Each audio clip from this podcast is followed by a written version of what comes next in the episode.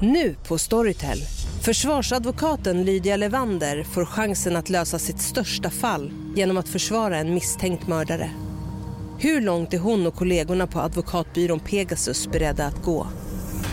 Fallet Mikaela. En ny deckare från succéförfattaren Anna Bågstam. Lyssna nu på Storytel. Hej, Susanne Axel här. När du gör som jag och listar dig på en av Krys vårdcentraler får du en fast läkarkontakt som kan din sjukdomshistoria. Du får träffa erfarna specialister, tillgång till lättakuten och så kan du chatta med vårdpersonalen. Så gör ditt viktigaste val idag, listar dig hos Kry. Okej hörni, gänget! Vad är vårt motto? Nej, allt är inte alltid som du tror. Nu täcker vårt nät 99,3 procent av Sveriges befolkning baserat på röstteckning och folkbokföringsadress. Ta reda på mer på 3.se eller i din 3-butik. Den 2 juli 1988 kom Marita Rutalami och Juha Veikko Valjakalla, två finländska medborgare, körande på en väg i Sverige när de nådde fram till en korsning. Juha satt bakom ratten och hans flickvän Marita satt som passagerare. Valet de hade framför sig var att antingen köra mot Omsele till höger eller Umeå till vänster. Marita valde Omsele. Detta val skulle innebära att nästan en hel familj utplånades.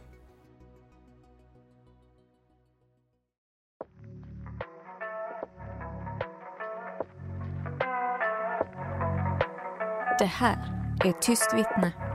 En podd om mord och försvinnanden.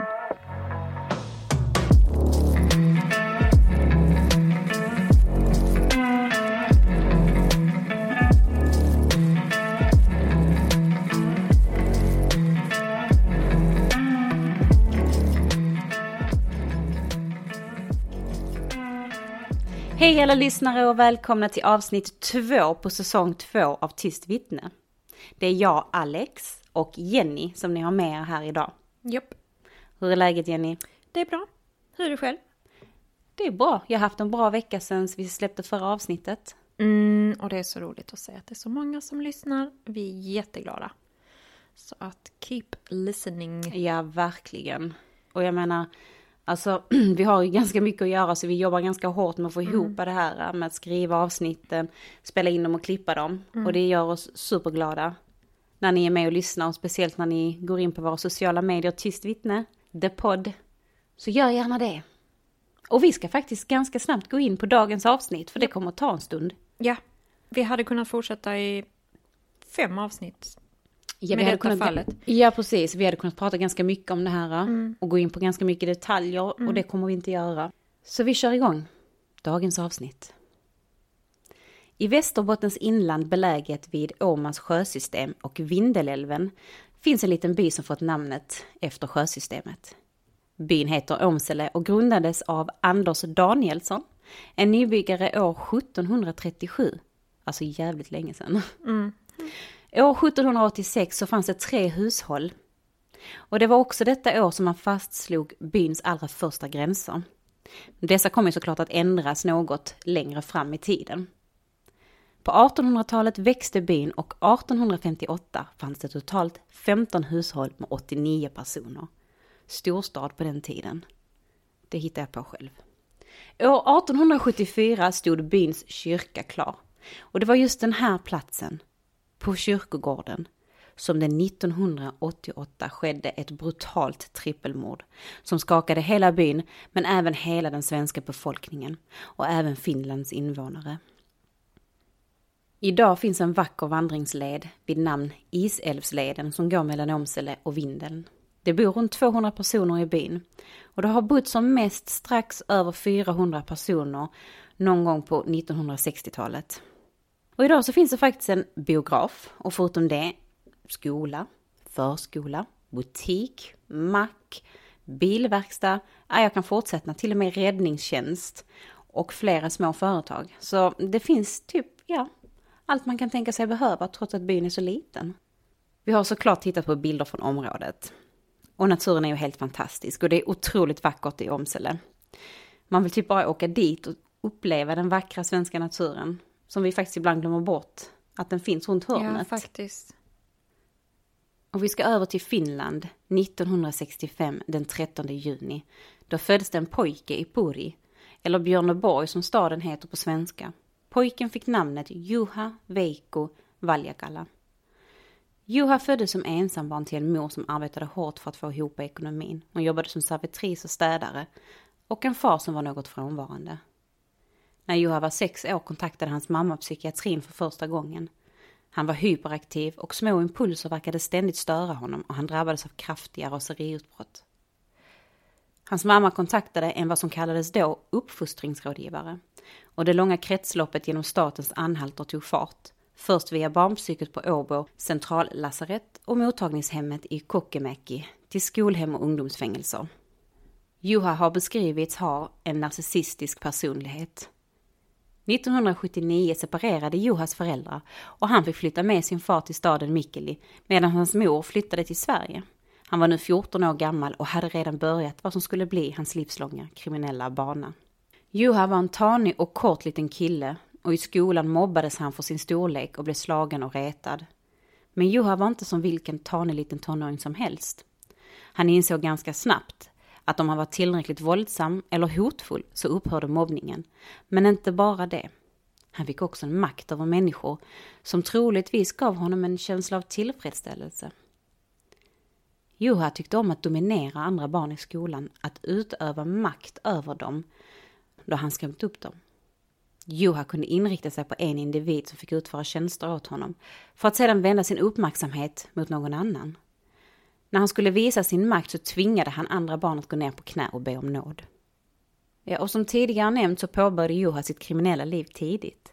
Som 11-åring begick han sitt första brott när han stal en moped.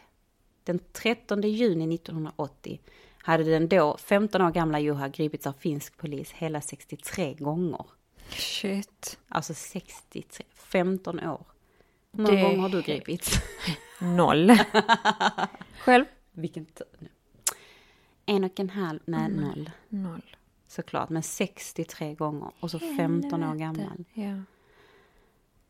Hans första möte med svensk polis kom den 16 augusti 1982 när han stal en van.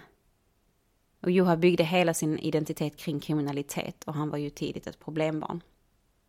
Marita Rutalami var 18 år gammal när hon träffade Juha som då var 19. Hon satt på en parkbänk i Björneborg när Juha kom körande på gatan, stannade och frågade om hon ville hänga med på en tur. Efter denna dagen var de ett par. Marita har beskrivits som en söt och vilsen tjej. Hon var väldigt formbar och oförmögen att ta egna initiativ. Hennes kusin Carita skulle senare säga att Marita inte klarade av att fatta vanliga beslut som de flesta klarar av att göra, utan behövde någon som sa åt henne vad hon skulle göra. Marita umgicks flitigt med sin tvillingsyster som hette Sarita och sin kusin Carita. Alltså förlåt, jag hoppar in här. Ja, I know. Carita, Sarita Och Marita. och Marita. I Jag know. förstår. Ja. Det måste ju varit svårt att liksom hålla reda på dem när de var små. Ja, Det är så liknande namn. de bara inte, inte, inte, inte. Ja. Anywho. Så Sarita är tvillingsystern, kusinen är Carita. Och Marita är Marita som träffar Juha. Så, när Marita träffade Juha så umgicks hon mest med sin syster och sin kusin.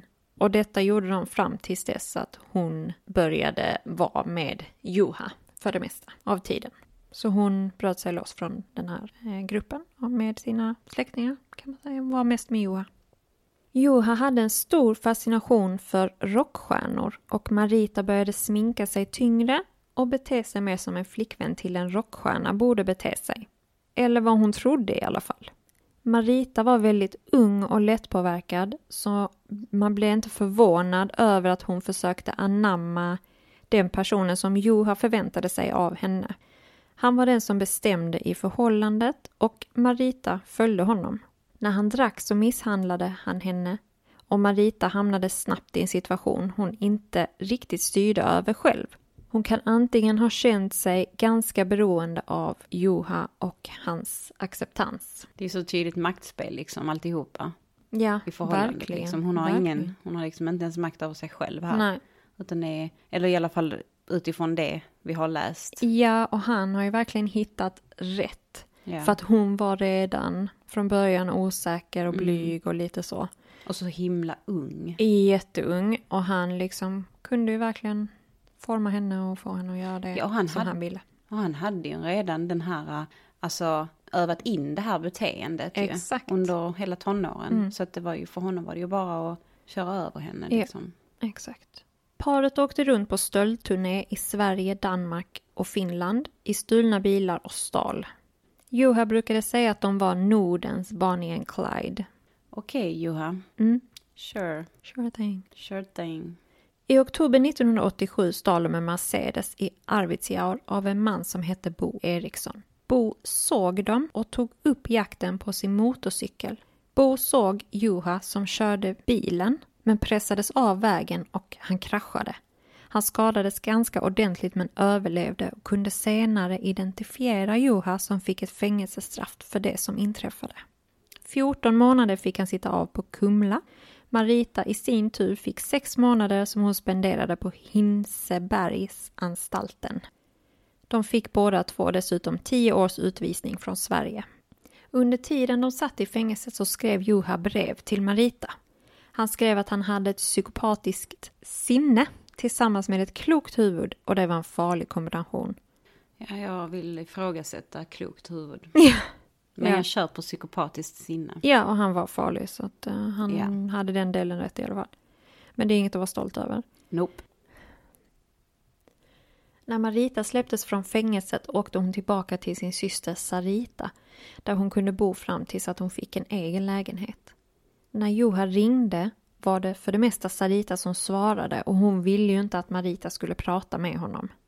Marita försökte börja om och skapa sig ett eget liv. Hon Jag hade inte velat det heller.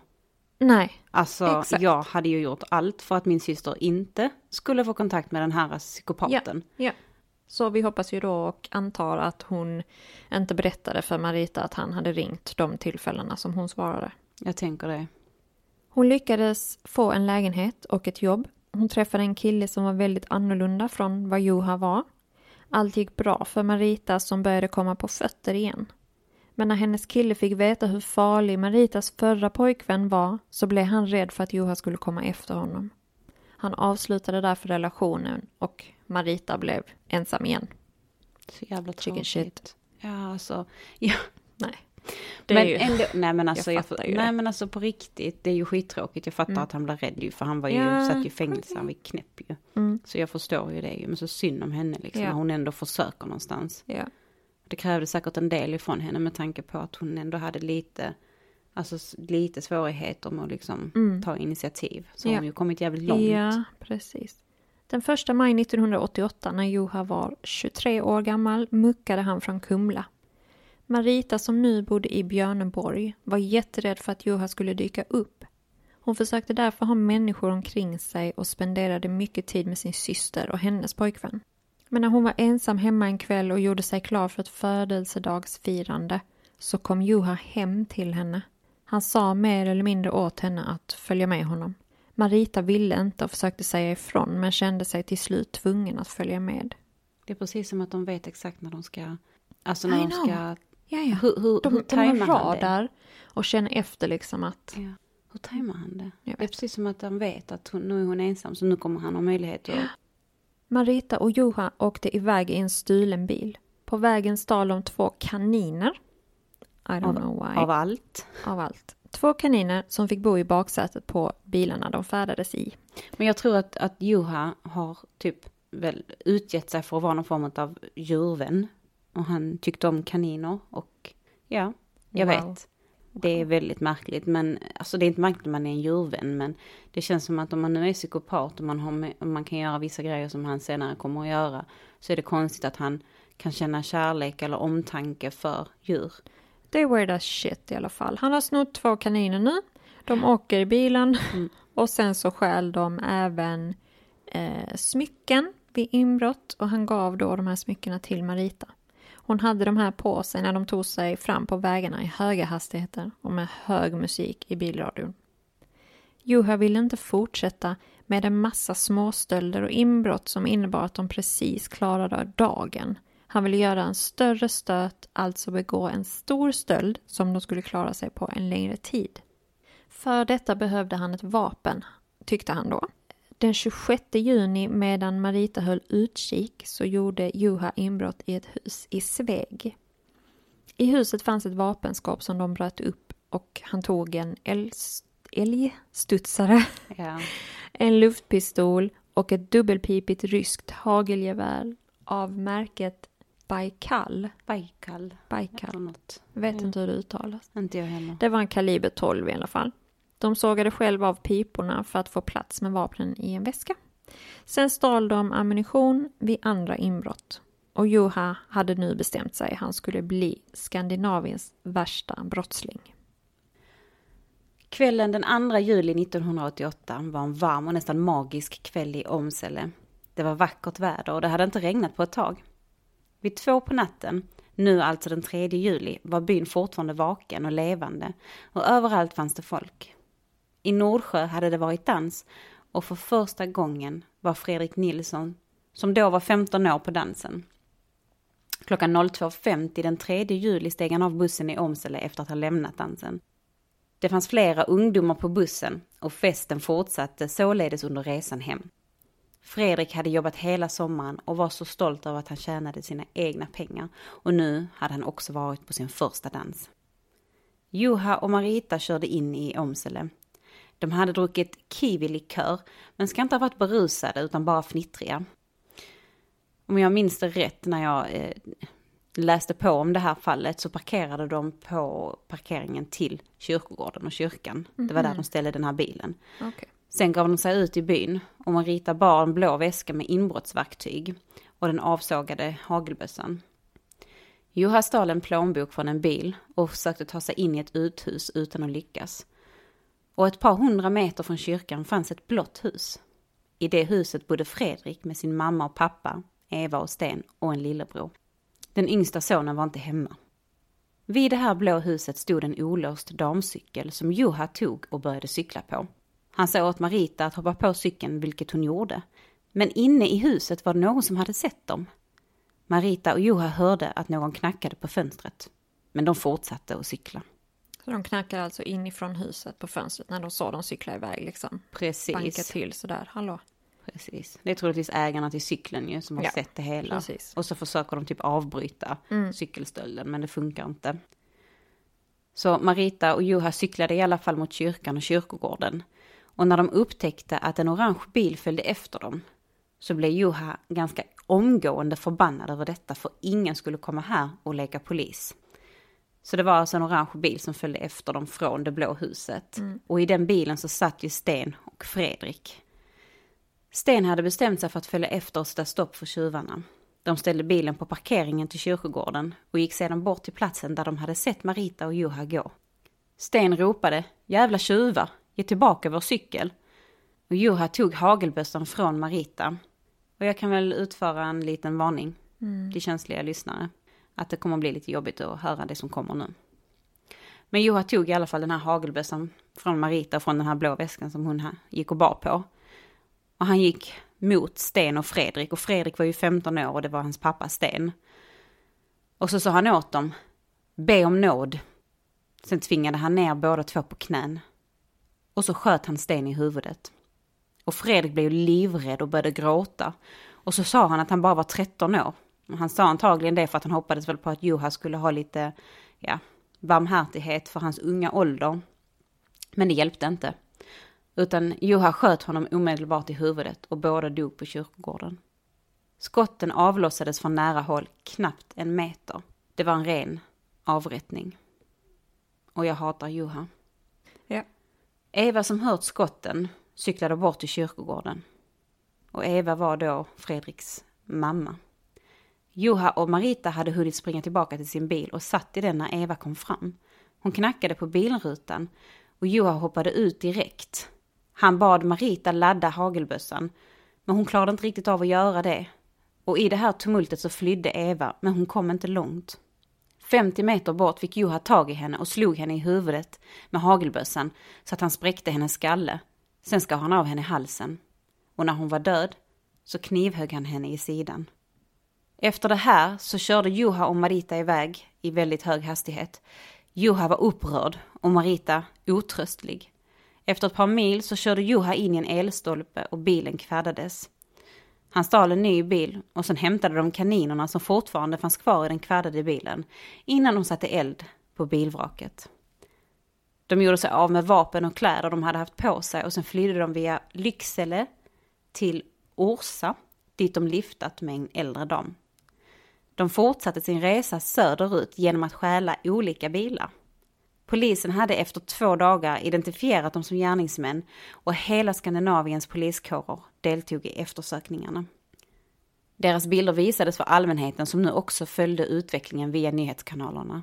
De tog sig till Helsingborg där Juha i en stulen båt paddlade över till Danmark. Och vad jag fick läste så tog det sex timmar. De hade tänkt gömma sig i Christiania men blev avvisade där och tog istället tåget till Odense. Det ligger också i Danmark. Juha och Marita lyckades hålla sig undan polisen i hela 19 dagar. En tågvärd larmade polisen eftersom han kände igen dem och de kunde gripas lugnt på stationen i Odense. De skickades sedan till Umeå för att stå till svars för sina handlingar. Den 12 juli 1988 begravdes Sten, Eva och Fredrik tillsammans på kyrkogården i Omsele. Mormodern till den yngsta sonen som fanns kvar talade ut i ett radioprogram hösten 1988. Hon berättade om sorgen och hon beskrev att hon hade dåligt samvete för att hon bara orkade sörja en av dem åt gången. Hon sa också att hon inte kunde komma fram till vad som var värst. Att de inte levde längre eller sättet de dog på. Den 2 februari 1989 kom tingsrättens dom där Juha dömdes för alla tre mord till livstidsfängelse och livstids utvisning från Sverige. Straffet fick han sitta av i Finland. Och hovrätten fastställde tingsrättens dom. Marita dömdes för medhjälp till misshandel i tingsrätten. Men det här skärptes i hovrätten till medhjälp till grov misshandel och hon fick två års fängelse. Och nu kommer vi till den delen av avsnittet som är oerhört fascinerande och ett fenomen enligt mig själv.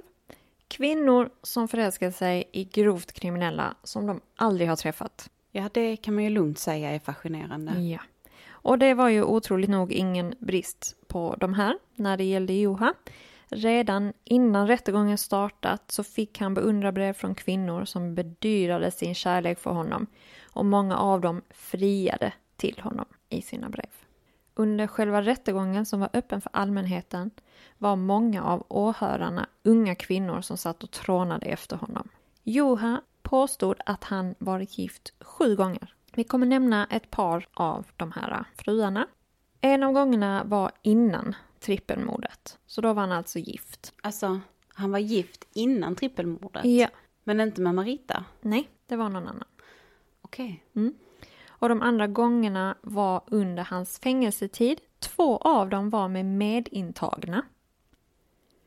En av dem var Minna Huttunen som hade fått fem års fängelse för att ha torterat en man till döds.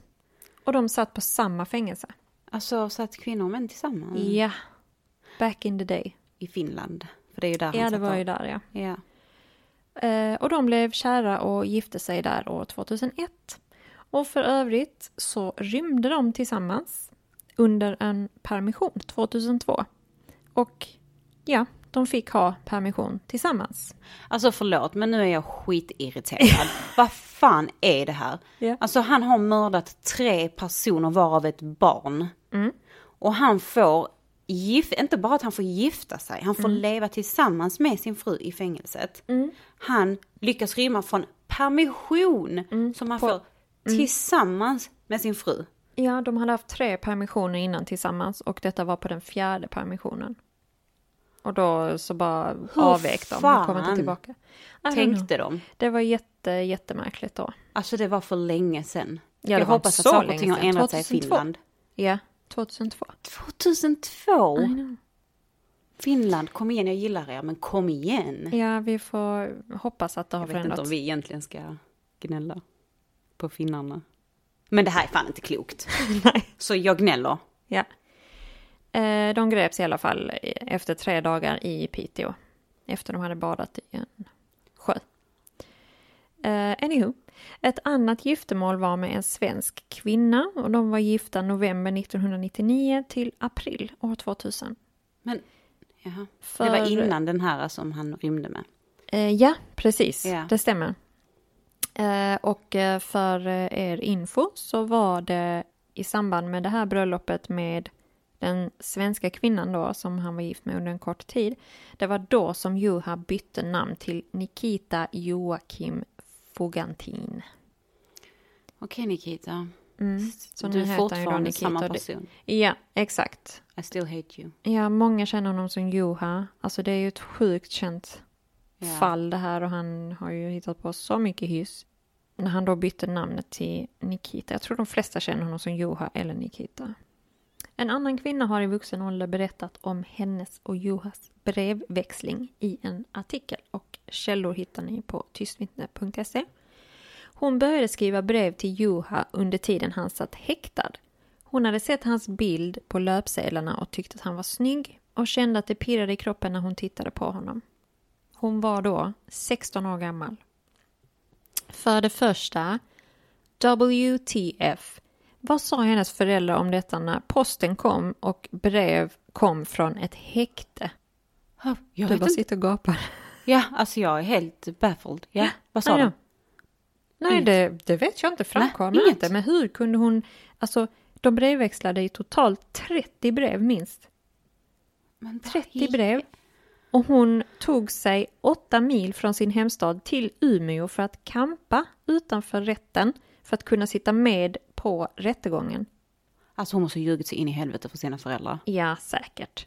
Hon insåg dock efter ett tag att han nog inte var oskyldig, vilket han då påstod i sina brev till henne. Mhm. Jag kunde Så. berättat det för henne. Okej. Ja, precis. Så som hela Sverige och Finland kanske redan gjorde genom sina artiklar och så. Anywho. Detta var ju liksom då ett axplock av det här. Detta är ju oerhört vanligt världen över att kvinnor har de här relationerna. Varför blir tjejer och kvinnor kära i grovt kriminella män och killar i fängelse? Är det den här klassiska jag kan omvandla honom med rainbows och butterflies att allt kommer fixa sig eller vad tror du? Jag tror att, jag tror att det kan vara det. Till viss, jag tror att det finns flera olika anledningar för olika kvinnor. Jag tror på det och jag tror att det kan vara kvinnor som av olika anledningar har en dålig självbild. Eh, som behöver, eller som mår bra med andra personer, eller då i relationer så är det ju med män, som styr och ställer över dem, som tar initiativ, som är dominanta. Och de här kriminella männen är ju många gånger det. Som med Juha är ett tydligt exempel på det. Mm. Jag tror också att det kan handla om, alltså, kvinnor som inte mår bra. Mm. Jag tror också det kan ha det med den här bristen på en eh, fadersfigur Ja. i sitt liv eh, som de kanske alltid har velat ha ett förhållande Mm. med och till sin riktiga pappa. Och sen har de kanske blivit avvisade och avvisade och sen så får de den här kärleken av då den här mannen eller killen Ja. och känner till sist att de har blivit bekräftade. Mm. Och det är så sjukt. ehm, det finns ju såna här sidor, jag vet att det finns i USA, jag vet inte om det finns i Sverige. Write a prisoner Ja, eller vet så här brevväxla med intagna. Och det är så vanligt. Ja, jag vet. Jag förstår att man kan få en connection för att det kan ju ha varit folk som har gjort fel i livet. Ja. Absolut. Brutala mord och så, det kanske är lite grovt så här. Jag förstår om man har gjort någonting fel. En gång, flera gånger. Du behöver ju inte vara en ond människa för det. Man kan få en connection med någon och prata så här. På det sättet tror jag att brevväxling kan vara nyttigt. Både för personen utanför och personen innanför murarna. Ja. De kan Absolut. säkert utväxla liksom erfarenheter med varandra och växa på det sättet. Utan det handlar bara om känslan av att få kontakt med någon som det är Mm. Och så mycket som händer bekräftad. runt. Ja, och bli bekräftad. Ja. Han såg mig. Han Jag såg just mig, skrev. av alla de här kvinnorna som vill ha honom så såg han mig. Mm, och sen skrev han till 50 andra. Sen skrev han till alla ändå. Men det vet ju inte hon. Nej. Så var är Juha idag? Eller Nikita Mm. Nikita, vad heter han nu då? Bergenström. Nikita Bergenström. Han heter Nikita Joakim Bergenström. Varför vet vi inte. Nej, det vet It's jag annoying. inte. Jag fattar Ja. inte varför man byter namn hela tiden. Kanske han har liksom han worried out för att han har tydligen inte varit så snäll då eftersom efter han, har ju släppts igen. Mm. Ja, precis. För grejen är ju den att han fortsatte ju begå brott. Alltså han släpptes ju, eh, han blev villkorligt frigiven februari 2009 för trippelmorden. Efter det här så bara fortsatte han att begå brott ju. Mm. Så han åkte ju in i finkan igen. Och 2012 så fick han ytterligare två års fängelse. Och det var mest för en massa olika små brott. Han höll ju på mycket med stölder och olovliga Mm. körningar och misshandel och sådana rattfylleri och sådana dumheter ju. Och 2015 så rymde han ju igen. Han var på någon form av möte, om det var, med, om det var socialen eller kriminalvården, jag vet Mm. just inte. det. Och då rymde han Mm. den 18 november 2015. Ja. Och de hittade inte honom igen förrän den 21 december, alltså lite mer än en månad det. senare. Ja. Och det sjuka är att när de har fångat in honom, de hittar honom på Tavastvägen, Tavastvägen i Helsingfors. Mm. Och han kommer tillbaka till fängelset och får sitta arresterande av sitt Mm, straff. Men de förlänger inte straffet. Nej, det är ju Alltså- lagarna där. Eller de förlängde inte straffet. Mm. Så jag menar, inte bara det att han rymde, Mm. begick brott under tiden han var fri, eller fri, var, var på rymmen, Mm. så förlängde de inte hans straff. Nej. Alltså den här snubben har ju bara glidit sig igenom Mm. hela det här är ju för att jag förstår inte var han har blivit straffad någonstans överhuvudtaget på vägen hit. Nej, faktiskt Han må, inte. han må ha suttit inlåst en viss del av sin tid, men vad hade han gjort där ute som hade varit nyttigt ändå? Mm. Så, no loss Mm. på det sättet. Mm. Det är ju inte olagligt att rymma. Jag blir så irriterad. Men 2016 blev han i alla fall en fri man. Och sen dess, alltså jag har inte kunnat hitta någonting mer. Att han skulle ha begått fler brott eller någonting annat sen 2016. Men däremot, och lyssna nu på detta. 2018 är han med i ett finskt tv-program. Fattar du det? Alltså, Och jag har försökt hitta klipp från det här tv-programmet, men jag har inte kunnat hitta någonting. Jag har bara hittat någon bild någonstans liksom. Eh, och där han får prata ut. Vem fan ger honom luft? Det är också det som är problemet i eh, flera länder, det är säkert världen över, så jag vill inte säga att det är fel på samhället, det är det inte. Men ge inte de här personerna luft. Nej, jag vet. Och, och saken är ju Att den att nu sitter vi och pratar om honom i vår podd. Ja. Och det är ju inte för att vi på något vis egentligen vill föra, eller lyfta honom, alltså Nej. såklart. Jesus Christ. Det är för Vi att vi hatar honom. Och vi diskuterar Mm, varför och, det är så här. Ja, och slänger, är släpper ut min Ja. Ilska och mitt hat. Mm. I alla fall. Han sa i det, här, i det här programmet att det tog 20 år av mitt liv i fängelse och deras liv. För offrens anhöriga mycket mer än så. Whatever you have, fuck off. Det var hans ursäkt till familjen. Och Marita, 1990 så släpptes hon från sitt fängelsestraff med en hemlig identitet. Hon eh, flyttade iväg och idag, eller det senaste som jag har kunnat hitta om henne, det kan ju ha förändrats, då bodde hon i Helsingör och hade två barn. Sen utöver det så, så vet jag faktiskt ingenting mer om henne. Jag vet att hon har varit med i någon artikel senare, men ja, där är inte jättemycket info så. Joha försökte tydligen skicka, eller Nikita, försökte tydligen skicka något julkort till henne för några år sedan, men hon, han fick inget svar. No shit. Ja, precis. Så, så det var det vi hade för dagens avsnitt. Och en annan sak. Har ni inte lyssnat på avsnitt 7 om Dalsjöfallet i säsong 1 så in och gör det för att vi kommer komma med ett uppföljningsavsnitt och det kommer komma snart. Och Dalsjöfallet handlar ju om de här fyra unga killarna som försvann spårlöst från Göteborg 1965. Vi har en fin lyssnare som har hört av sig med lite information som vi inte hade. Japp. Så, in och lyssna på avsnitt 7 från säsong 1 och håll utkik efter uppföljningsavsnittet. Japp. Och har du tips på fall som du vill att vi ska ta upp så hör av dig på Tyst vittnedepodd Instagram och Tyst vittnedepodd Facebook. För källor tystvittne.se. Och glöm inte, gillar ni vad vi gör, fem stjärnor där ni lyssnar. Japp. Tar jag gärna tiden till att ge oss det. Då blir vi jätteglada. Tack för idag. Thank you. Toodles. Bye. Åh.